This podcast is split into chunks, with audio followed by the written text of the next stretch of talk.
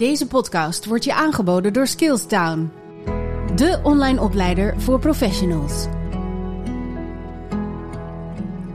Ik heb altijd al geweten dat ik anders ben dan andere mensen, als klein meisje al. Waarom was ik zo anders? In de zoektocht naar het antwoord op deze vraag heb ik heel veel verkeerde diagnoses gekregen. HSP, ADD, ME, ADHD en zelfs persoonlijkheidsstoornis. Inmiddels weet ik gelukkig wel het antwoord op mijn vraag. Autisme, spectrum, stoornis. Oftewel, autisme. Hoe kan het zijn dat dit 43 jaar heeft geduurd? En waarom zijn er nog steeds zoveel vooroordelen over autisme?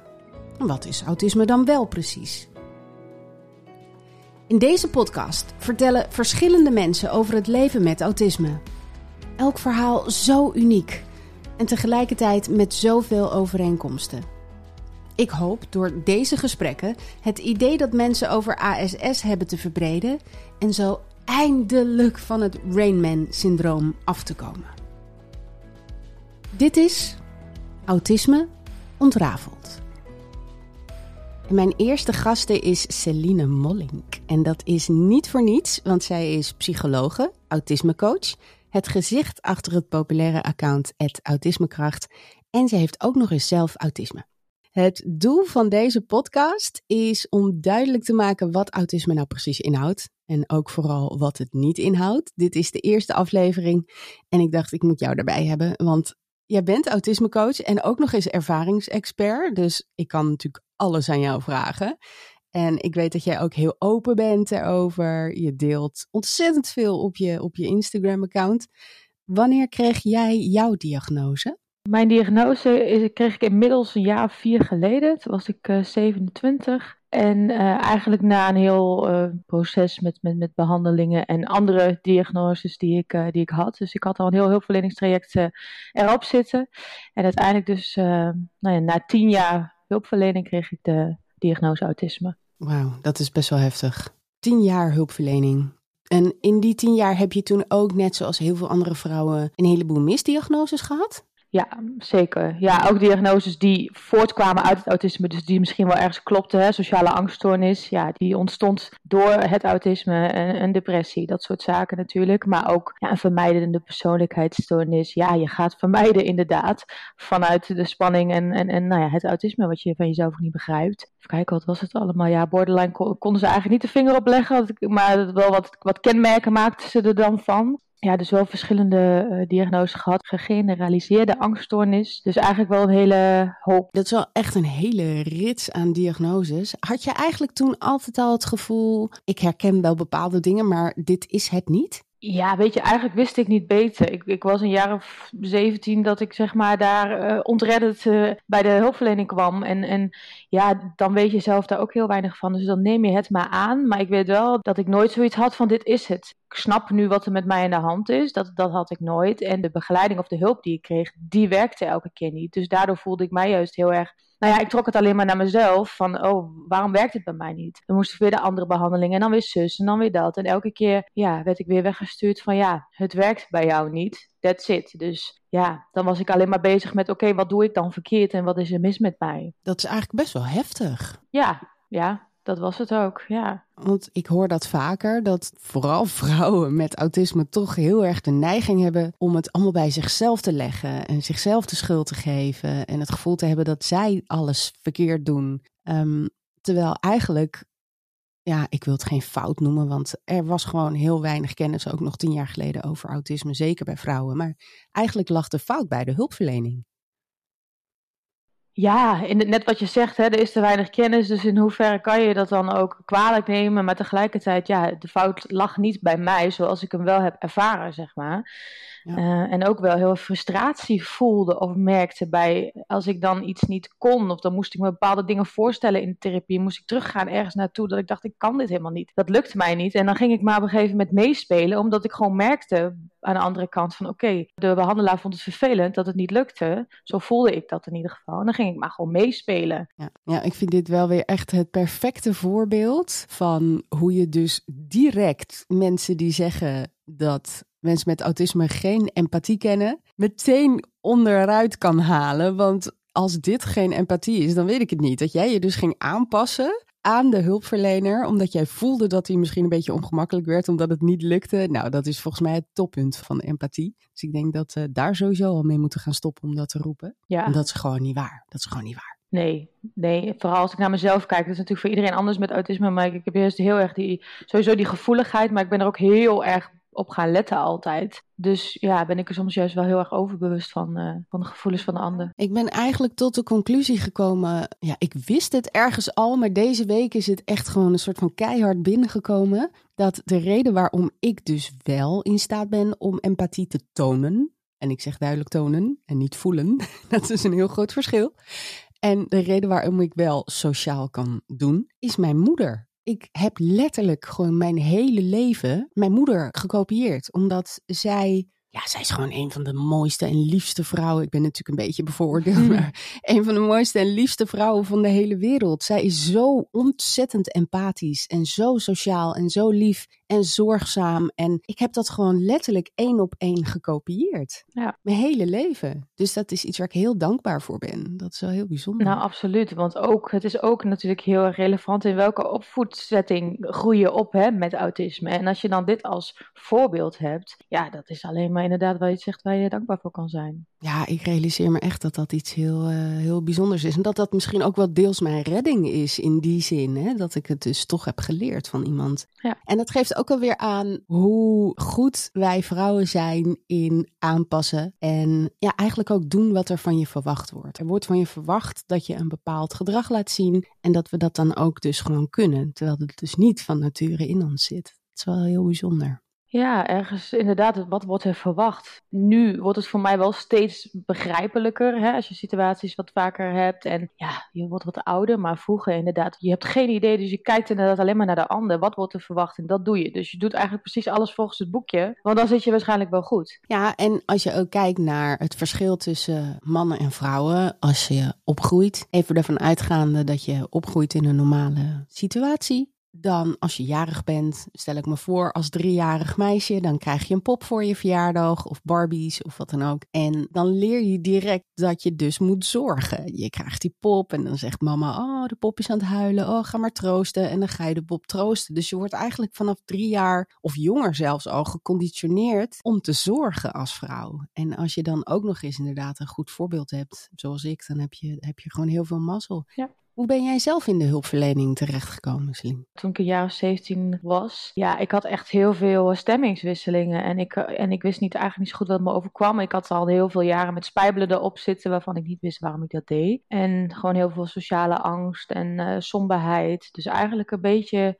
ja, hyperventilatie. Gewoon dat je dacht, het, het gaat helemaal niet goed. Uh, maar eigenlijk al veel langere tijd. Totdat een beetje de omgeving zoiets heeft van... ja, nu moet je echt wel naar een huisarts gaan... en, en, en kijken wat er, wat er met je aan de hand is. Dus ik denk dat dat een beetje... en heel veel pijnklachten. Toen begon voor mij in die fase ook echt wel de fysieke pijnen. Waar had je dan bijvoorbeeld last van? Nou, eigenlijk overal van. Ik ben echt jarenlang ziekenhuis in en uit gegaan. En ik was alleen maar gefocust, ook wel een beetje obsessief op het is fysiek. En ik kon me geen voorstelling van maken dat het stressgerelateerd was. Ook als artsen vroegen, heb je stress? Dan dacht ik, ja, niet anders dan anders. Ik was me er ook niet van bewust dat ik zoveel spanning had altijd. Want ja, je, je hebt geen idee. Ja, dat zou je misschien ook, ook wel snappen als ik dat zeg. Je hebt, je hebt geen idee dat het bij jou anders is dan bij anderen en hoe dat dan voelt. En nu ben ik daar veel meer van bewust, maar toen echt niet. Dus ik had altijd zoiets van, nou ja, volgens mij vat het wel mee. Maar het sloeg allemaal op mijn lijf, dus overal. Ja, tot aan de hoge bloeddruk. Ja, mijn suiker ging alle kanten op, waardoor ik daar ook heel veel last van had. Maar gewoon pijn overal uh, in het lijf. En uh,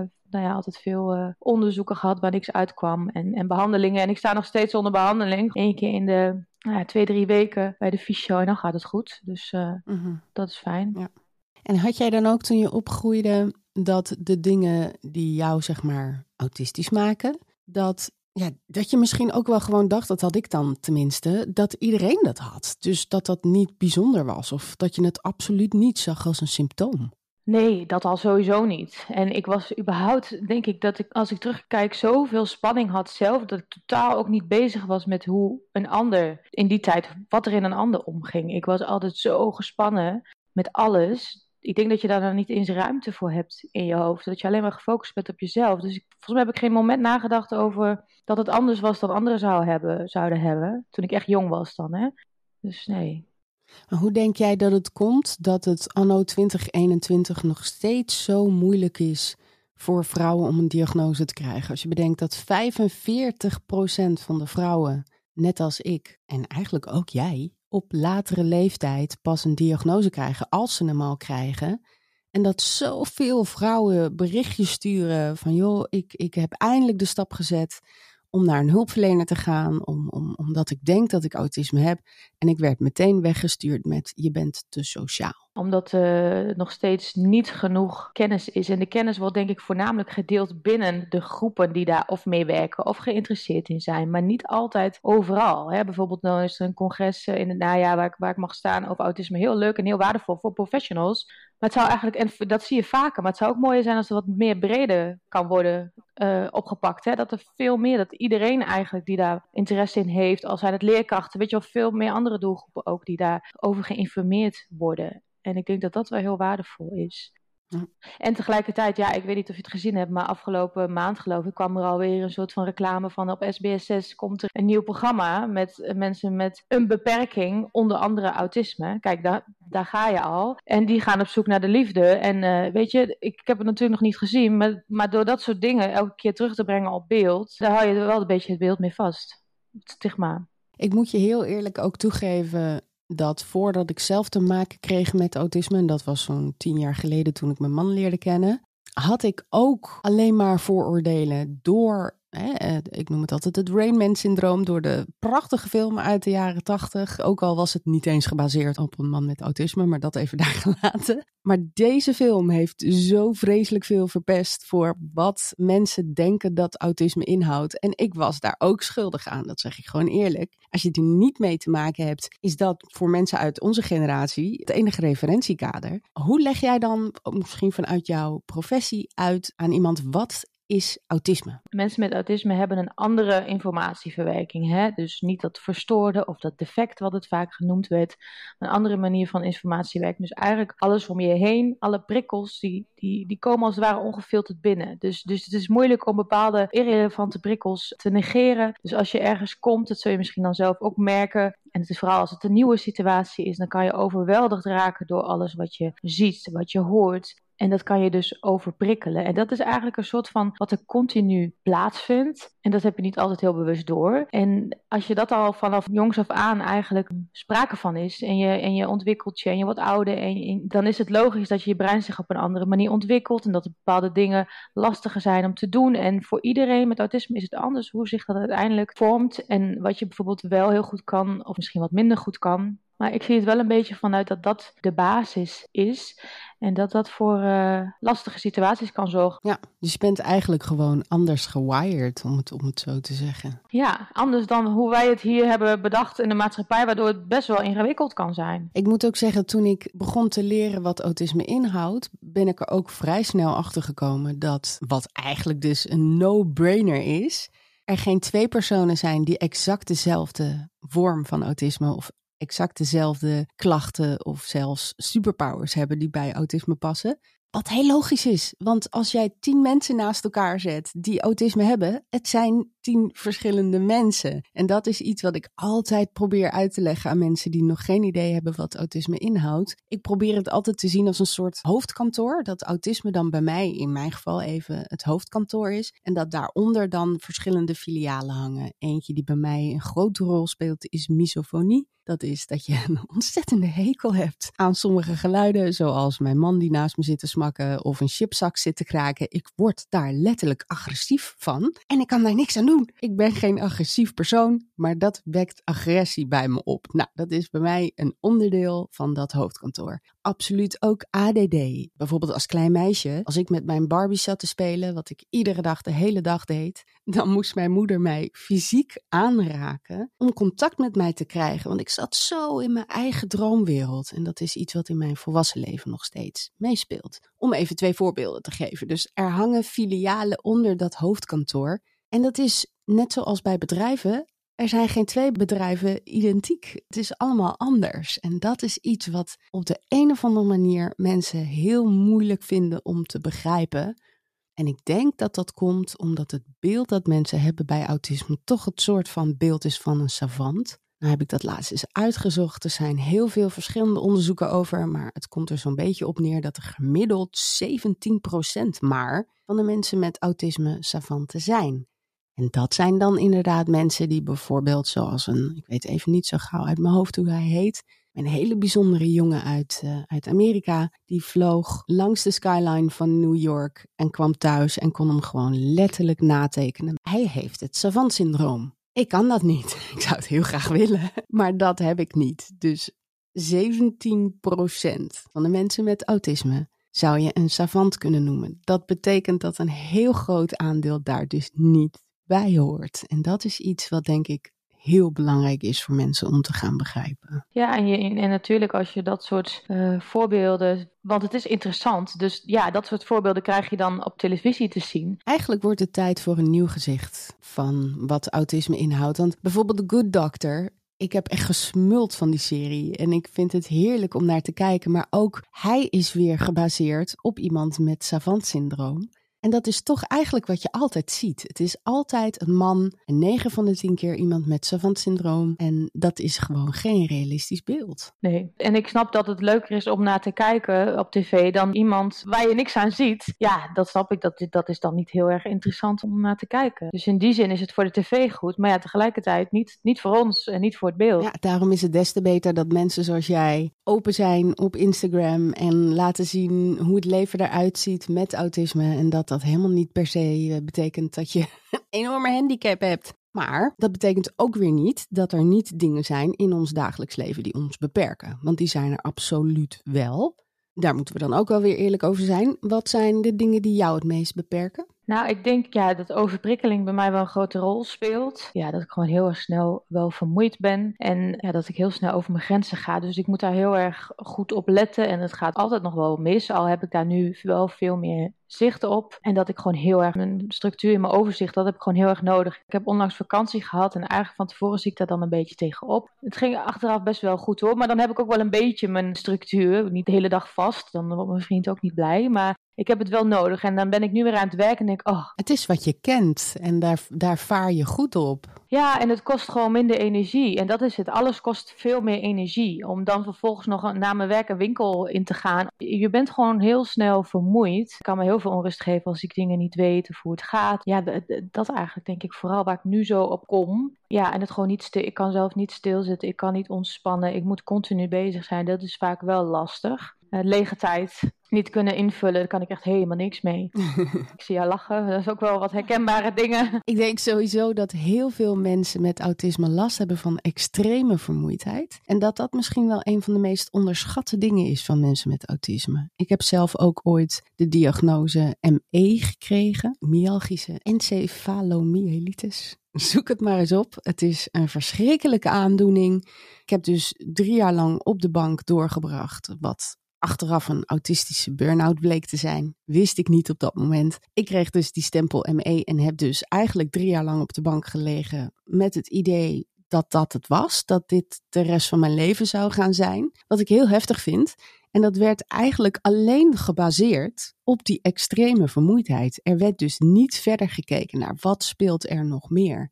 En ik denk dat heel veel mensen geen idee hebben dat die echte verlammende vermoeidheid iets is wat heel veel mensen met autisme hebben. Ja, en, en, en wat je net ook zei, dat overschatten, dat herken ik heel erg. Dus vooral omdat je ogenschijnlijk uh, het allemaal wel lukt, hè? want je presenteert je op een bepaalde manier. En dat gaat ook heel erg automatisch. Dat kan je er ook op een gegeven moment niet meer uitkrijgen.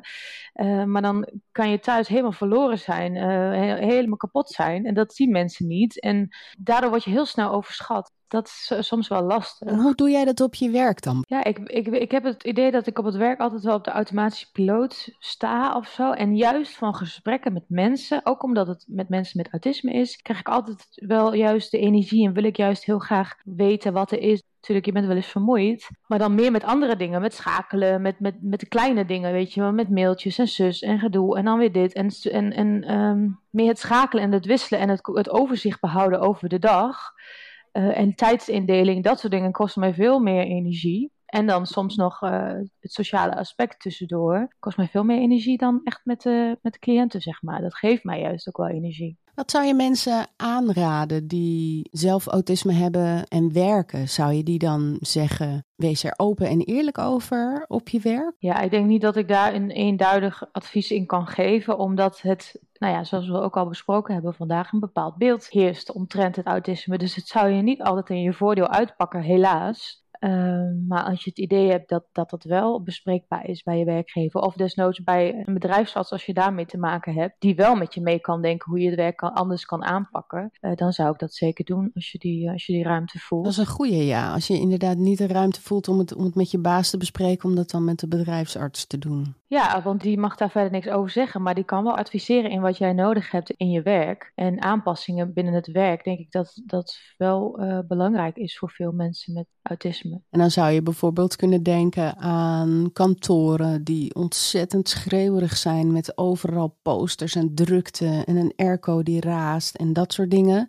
Ik kan me voorstellen dat je daar, als je er de hele dag in moet zitten, vreselijk overprikkeld van, uh, van zou kunnen raken. Wat zijn bijvoorbeeld dingen die werkgevers zouden kunnen doen om ervoor te zorgen dat iemand met autisme zich veilig voelt? Nou ja, ik zou vooral het gesprek aangaan dan met, met de persoon zelf en vragen wat hij of zij nodig heeft, hè, als hij dat dan zelf weet. En anders een soort van coach of, of iemand, uh, of een, een, bedrijfsarts of iets zoeken van, om, om dat met diegene uit te zoeken. Want het is natuurlijk van jezelf heel lastig om dat te bepalen. Maar vooral denk ik heel erg um, ja, mee denken van wat is voor jou prettig en, en dat ook mogelijk maken als dat kan.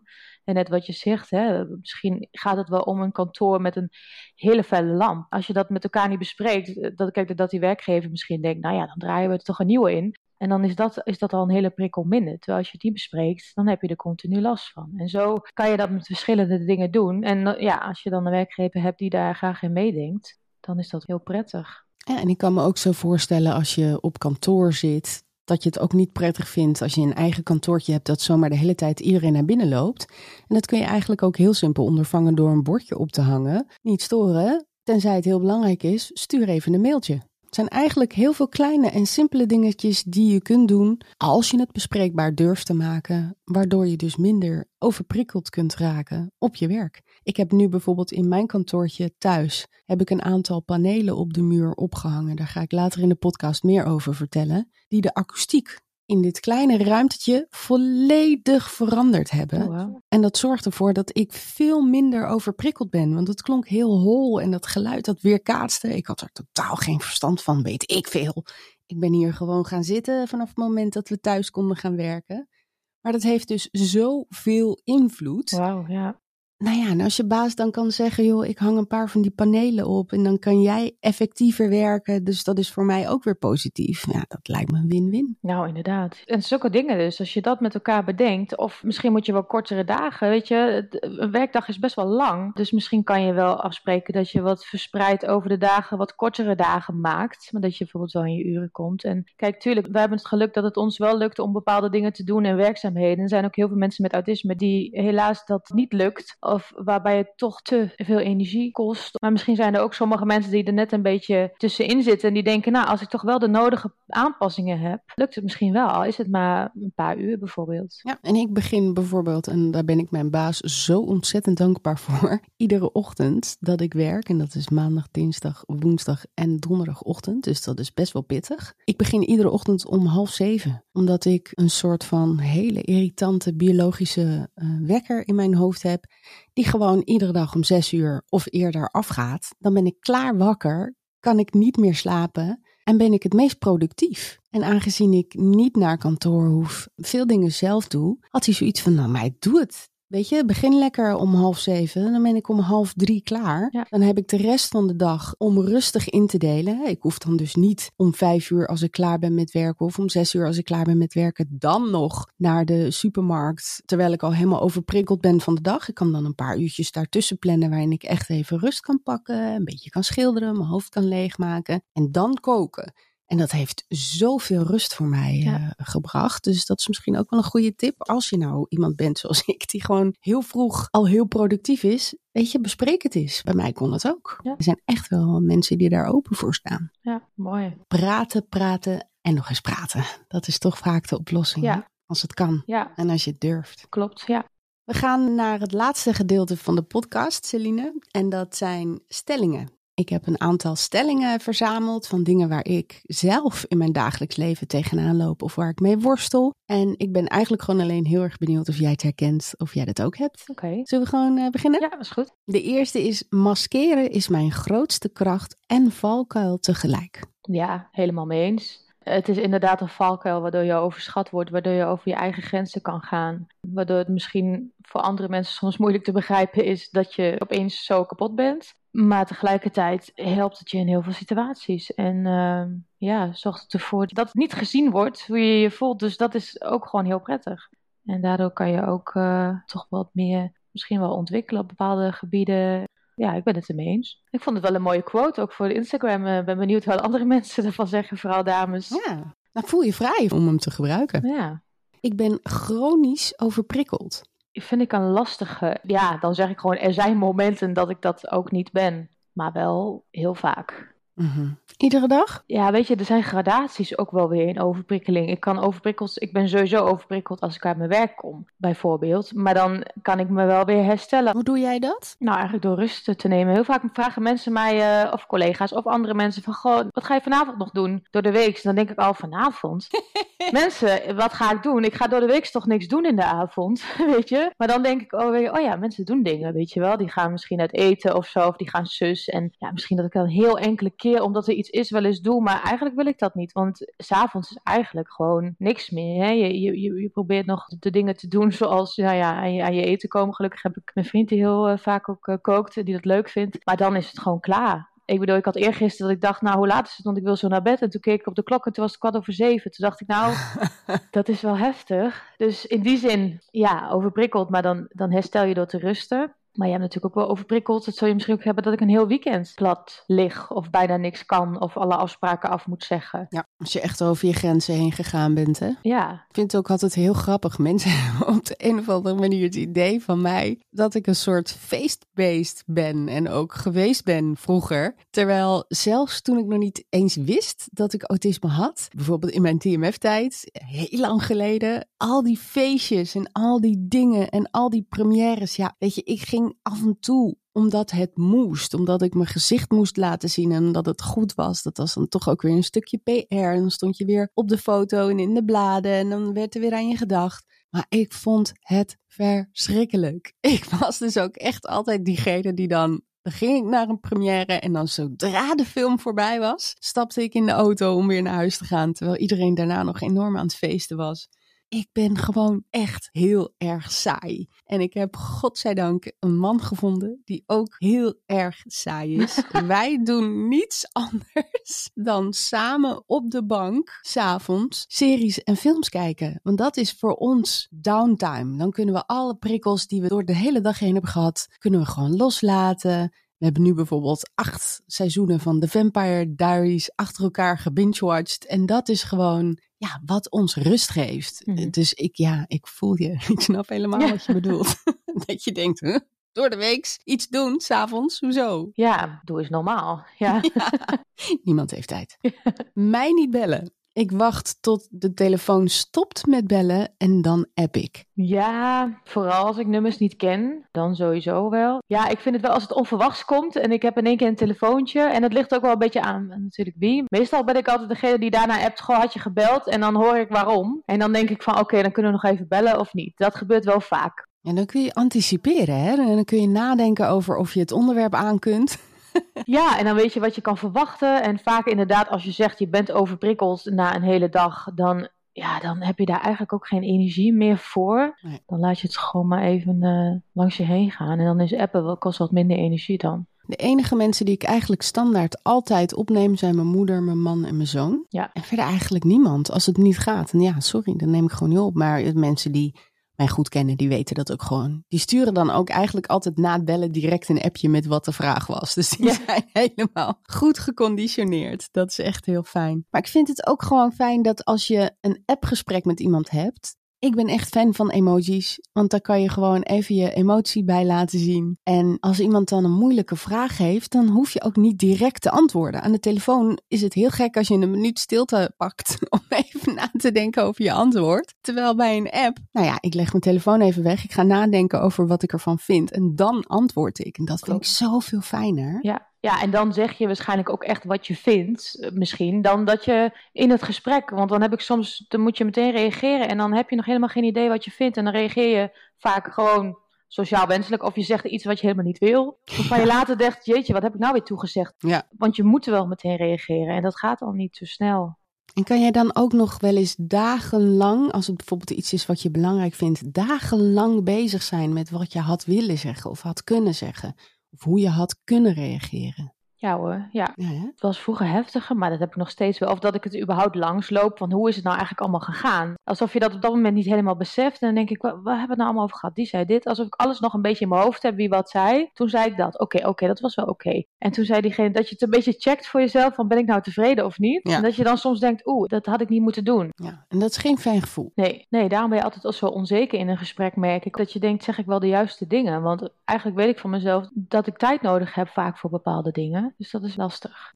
Ik doe alles methodisch. Bijvoorbeeld als ik boodschappen ga doen en de boodschappen liggen op de band en ik moet ze in een tas stoppen, dan doe ik dat als een soort Tetris. Alles moet in elkaar passen, alles op een bepaalde manier. En als mijn man gewoon alles in één keer zo in een grote tas gooit, dan word ik daar echt bloednerveus van. En dan 9 van de 10 keer ga ik dat ook nog eens aanpassen. Maar dat is een soort van metafoor voor eigenlijk hoe alles in mijn leven eruit ziet. Ik denk altijd na over wat ik doe en ik doe alles methodisch. Maar moet het dan ook altijd netjes bij dan ook iemand die de klerenkast uh, helemaal uh, nou ja, op kleur kan, maar ook gewoon echt. Ja, het liefst wel, ja.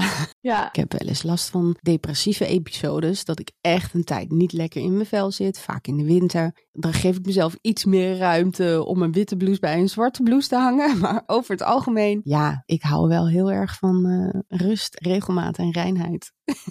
Ja, dat is dan wel grappig, hè? Want dat heb ik dan totaal. Ja, ik hou wel van uh, rust. Er moeten niet te veel prikkels om me heen zijn. Maar ik kan dan wel zo'n type zijn die de kast. Uh, dat als je de kast open doet, dat je denkt: hier is het niet georganiseerd. Of de klerenkast of zo. Of mijn vriend heeft vaak zoiets van: je bent zo lomp en chaotisch. Dus dan pleur ik alles zeg maar, bij elkaar in. het moet weg. Het moet snel weg. Het moet niet gezien worden, zeg maar. Dat heb ik meer van. Dan is het rustig. Maar ik heb wat minder die. Uh, dat echt op die manier moet kloppen. En hoe zit het met symmetrie? Ik hou bijvoorbeeld heel erg van symmetrie. Als ik kaarsjes koop in de winter, dan koop ik er altijd twee. Op een gekke dag drie, maar nooit één en ook nooit vier. Oké. Ja, ik vind het sowieso geweldig om naar te kijken. Want als ik ergens kom, dan let ik daar heel erg op en dan kan ik daar gewoon van genieten.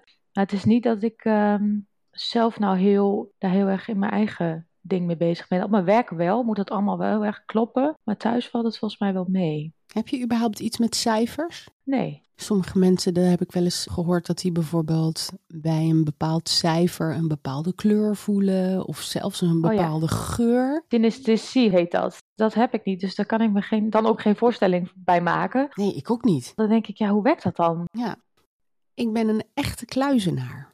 Nee, ben ik ook niet. Nee. Ik heb een soort van tweestrijd uh, ook wel in mij. Ik wil heel graag dingen zien en doen en leren. Ik gooi me heel vaak in situaties waarvan ik denk, oh, dit trek ik helemaal niet. Maar dan ben ik er al balans. Terwijl ik het ook wel heel leuk vind om aan te gaan. Dus ik hou ook wel echt wel van sociale contacten. Maar het kost gewoon heel, heel erg veel. En soms lukt het ook gewoon niet. Maar ik merk wel dat het steeds meer energie gaat kosten. Maar ik ben geen kluisenaar. Ik kan niet op de bank zitten. Ergens lukt dat niet. Ik moet het continu nuttig bezig zijn. Dus er zit ook een soort van iets in mij waardoor ik altijd wel weg moet. Dat zorgt er misschien voor dat ik niet zo goed thuis kan zitten.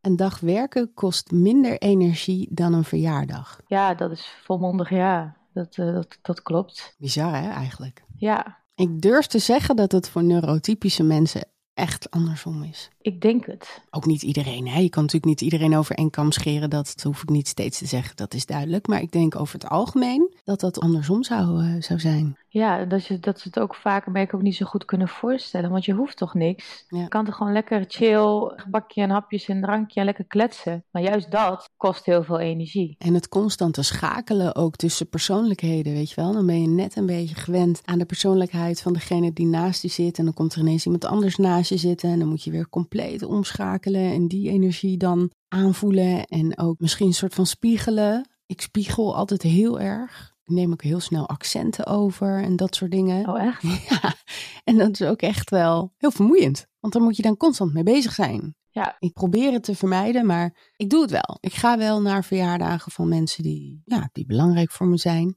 vieren thuis ook altijd wel mijn eigen verjaardag. Want dat is dan één keer in uh, zoveel tijd dat je met je hele familie bij elkaar bent. En dat vind ik dan ook wel weer de moeite waard. Maar ik zorg wel dat het hele weekend daarna helemaal leeg is. Als het bij mij thuis is. Want dan moet alles ook perfect zijn. Dan moet ik koken, voorgerecht, hoofdgerecht, nagerecht. De meest culinaire dingen. En oh. oh, ik maak het mezelf zo moeilijk. Maar dat is ook mijn liefdestaal, weet je wel. Ik vind dat leuk Ja. om op die manier mensen die ik lief heb te verwennen. Dus dan ga je toch weer, nou ja, over je grens heen. Ja, en tegelijkertijd geniet je er waarschijnlijk ook wel van op het moment dat ze er zijn. Ja, ervoor niet. Dan heb ik echt zweetaanvallen, hartkloppingen. Tijdens ook nog wel een beetje, maar dat, dat leer ik steeds beter een beetje loslaten. Ik heb wel, ik weet niet of je dat ook herkent, op het moment dat je hoort dat er een gelegenheid is, dan is het ook al is het over vier maanden, dan zit het vanaf dat moment in mijn hoofd. En dan krijg ik het er niet meer uit en dan is het, popt het de hele tijd op en dan kan ik er dan al over stressen. Terwijl ja, andere mensen of mijn vriend wel eens zegt, nou, dat, dat, daar denk ik pas eh, twee weken van tevoren weer aan en dan kijk ik wel hoe of wat. Maar bij mij werkt dat niet. Het is continu in het hoofd. Ja. En zo is dat met meerdere dingen die je hebt. Dus continu is alles in je hoofd actief. Ja, dat is constant aanwezig. Ik, ik moet ook ineens denken aan toen ik klein was, deed ik heel fanatiek aan, aan turnen. Er werd dan bijvoorbeeld soms wel eens vier, vijf maanden van tevoren aangekondigd dat er een wedstrijd was. Iedere dag, tot aan de dag van die wedstrijd, was ik daarmee bezig. Ook vooral omdat het iets was wat ik heel erg leuk vond. Dat dat het moment was dat ik kon laten zien wat ik had geleerd aan, aan familie. Daar was ik iedere dag constant mee bezig. Ik maakte soms zelfs wel eens een kalender die boven mijn bed hing, waarop ik kon afstrepen hoeveel dagen het nog duurde. Dus ja, ik, ik herken dat wel, wel heel erg, ja. Ja, en dan moet je je voorstellen als je dat met, dat met heel veel dingen en alles wat je de hele dag meemaakt en wat toch blijft hangen omdat het of onduidelijk is of dat je er nog wat mee moet, dat je zo'n brei van chaos aan gedachten continu in je hoofd hebt. Alleen daar al raak je overprikkeld van. Ik kopieerde als klein meisje gedrag uit mijn favoriete films en series, omdat ik geen idee had hoe ik me moest gedragen. Ik weet van jou dat jij dat deed, inderdaad. Ja, ja. Niet vanuit films en dergelijke. Nou ben ik sowieso niet zo'n film kijken, want daar kan ik dus ook, heb ik de rust niet voor om te zitten. Ik herinner me altijd zo'n moment dat door de hele klas eh, moest je gaan opnoemen wat je later wilde worden of zo. En dan begonnen ze ergens, nou, zat, zat, zat ik al heel hoog in de stress, want ik was al in de spanning, ik had geen idee. Nou, en dan was ik al helemaal bang. En dan iedereen had helemaal een beeld ervan, of, of niet. En dan zeiden ze dat heel prima. Nou, dan ging ik standaard gewoon zeggen wat iemand anders had gezegd. Had ik al bedacht om er vanaf te zijn. Dus zo, maar ook met, met andere dingen of met verjaardagen, kijken wat die ander doet. Je bent er meer bewust van als je ouder bent natuurlijk, van hè, wie, wie feliciteert wie en hoe feliciteert diegene en geeft hij alleen een hand. Of, dat doe ik nog steeds, dat ik kijk uh, wat de ander doet. Uh, maar vroeger deed ik dat ook wel heel erg, uh, heel erg afwachten op de achtergrond, observeren. Constant te analyseren. Constant. En dat is nog steeds hoor. Maar heel veel dingen gaan wel wat geleidelijker en wat gemakkelijker. En heb je ook een beetje je eigen weg in gevonden van dit is hoe ik het doe of zo. Maar vroeger was dat er niet. Nee. De laatste alweer. Ik ben verschrikkelijk lomp. Ja, dat wordt wel gezegd door mijn vriend. Oh, maar de gemiddelde persoon. Dat bedoel ik. Ja. Perfecte voorbeeld. Er viel al wat. Er viel iets, ja. Ja, ik kan wel wat dingen laten vallen of, of ik stoot mezelf heel vaak of zo. Loop tegen deurposten aan of dat soort uh, ongein. um, dus in die zin wel en inderdaad chaotisch. Ik smijt dingen gewoon uh, neer of een koffer inpakken voor, voor de vakantie, bewijzen van dat liefst gooi ik het er gewoon in. Dus ik ben dan meer weer wat mannelijk uh, type. Maar um, verder valt het op zich wel mee qua lompheid. Ja, soms kan ik wel lompe dingen zeggen ook, maar dat is alleen als ik me heel erg vertrouwd voel. En voor de rest ben ik heel erg alert op wat ik zeg. Dus ik denk dat de gemiddelde persoon dat beeld niet van mij heeft. Nee. Ik wou dat ik dat ook kon zeggen. Want jij bent gewoon lomp. Ja, ik ben echt heel erg lomp. Ik laat iedere dag dingen uit mijn handen vallen. En dat ook echt tot grote frustratie. Het grappige is dat mijn zoon dat dus ook heeft. Die laat ook constant alles uit zijn handen kletteren. En mijn man heeft dat dan weer helemaal niet. Ehm, terwijl zij allebei ook autisme hebben, maar ze zijn zo verschillend. En mijn zoon lijkt qua autisme weer veel meer op mij. Dus wij kunnen daar dan heel erg om lachen. En dan zie ik mijn man vanuit de andere hoek van de camera kijken van, oh, gaan ze weer, weet je wel, die twee. Ja, dus het is zo simpel als de was ophangen en, en gewoon de eerste vier dingen die ik pak, laat ik eerst uit mijn handen vallen voordat ik het ophang. En dan moet ik echt bewust denken: oké, Sonja, je gaat nu dat t-shirt pakken. Dan pak je dat t-shirt op de punten vast. Die houd je dan voor het rek en dan doe je de knijpers erin. En dan gaat het meestal wel goed. Oké. En ik weet niet of het dan met mijn hand-oogcoördinatie te maken heeft of dat ik er gewoon met mijn kopie niet bij ben. Waarschijnlijk dat laatste. Ja. ja, letterlijk gewoon de eerste vier dingen vallen eerst op de grond. Maar ik gooi ook overal waar ik kom. Als ik op visite kom, je kan mij beter geen rode wijn geven. Want ik gooi glazen om, ik maak borden kapot. Ja, het is echt, ik sta daar ook echt wel een klein beetje onbekend. En daarnaast, ja, ik maak gewoon blunders. Ook in contact? Ook? Ja, oh, absoluut. Ja, maar ook bijvoorbeeld, ik was van de week bij, uh, bij Skillstaan op kantoor om webinars op te nemen. En daar staat dan een hele grote witte desk waar je dan achter staat. En we kregen op de een of andere manier de autocue niet voor elkaar. Hadden het al dertig keer gedaan. Ik was volledig overprikkeld. En toen was het eindelijk gelukt. En toen liet ik me zo heel dramatisch over die desk vallen. En die hele desk viel om. Die stond dus op wieltjes. Dat wist ik niet. Waardoor die desk nu dus ja, een beetje kapot is. Sorry Gerrit. nog net op tijd kunnen wegspringen, anders had hij op mijn voeten gevallen. Hij is loodzwaar. Dus nou ja, dan waren ook nog eens mijn voeten verbrijzeld geweest. Oh jee. Maar ook gewoon het aankondigen van Rutja Kut in plaats van Rutja Kot. Dat soort kleine dingen. Bij de Miss World verkiezingen van de trap afvallen in mijn badpark. Weet je, ik, Oh. ja, ik, ja, ik ben lomp. Ja, jij bent echt. Ik ben er niks bij. Ja. Ik durf het te zeggen, ik kom ervoor uit. Ik ben gewoon een beetje de soort van ongekroonde blunderkoningin van Nederland. Maar ik accepteer het. En het voordeel is, als je zo'n grote blunder maakt als bij de Miss World verkiezingen van de trap afvallen, wat zo'n beetje een cliché is, daarna valt alles mee. Nou, dat denk ik. Wat maakt het nou uit? Niks kan dat overtreffen eigenlijk. Het is ook wel een grappige eigenschap, toch? Ja, behalve als je het zelf meemaakt. Ja, ja dat snap ik. Hey, hartstikke bedankt Celine. Het was echt een superleuk gesprek. Ja. Voordat ik ga afronden heb ik nog even twee pro-tips voor de mensen die zitten te luisteren. Het is dus absoluut niet mogelijk om iedereen over één kam te scheren. Iedere persoon met autisme is anders, net als neurotypische mensen allemaal uniek zijn. En autisten communicatief onvermogend? Zeker niet. Maar stel duidelijke vragen en stop nou toch eens met twee of drie vragen tegelijk te stellen. Daar zou je ons enorm mee helpen. Absoluut, absoluut. Helemaal mee eens. Heel erg bedankt voor je tijd. Ik vond het echt een heel fijn gesprek. En Ik eh, nou ja, ik hoop dat mensen nu een iets beter beeld hebben van wat autisme precies inhoudt. Ik ga iedere week een nieuwe aflevering van Autisme Ontrafeld live zetten. En iedere week een ander gesprek met een ander persoon die weer zijn of haar leven deelt. En hopen dat we zo'n klein beetje kunnen bijdragen in het verbrijzelen van het Rain Man syndroom. En jij hebt daar een eh, prachtig onderdeel in eh, bijgedragen hier. En ook zeker op je Instagram page. Ik zou je absoluut aanraden als je er meer over wil weten. Om ook het autismekracht te gaan volgen op Instagram. Omdat Celine gewoon heel veel waardevolle dingen deelt. Dus dankjewel Celine. Ja, jij bedankt. Ik vond het ook heel erg leuk. Fijn. Een hele fijne dag nog. En jullie bedankt voor het luisteren. Mocht je nog vragen hebben over autisme, kun je altijd mailen naar sonja.silva.skillstown.com of kun je Celine een mailtje sturen op info.autismekracht.com. Volgende week is er weer een nieuwe aflevering. Een hele fijne dag en tot dan.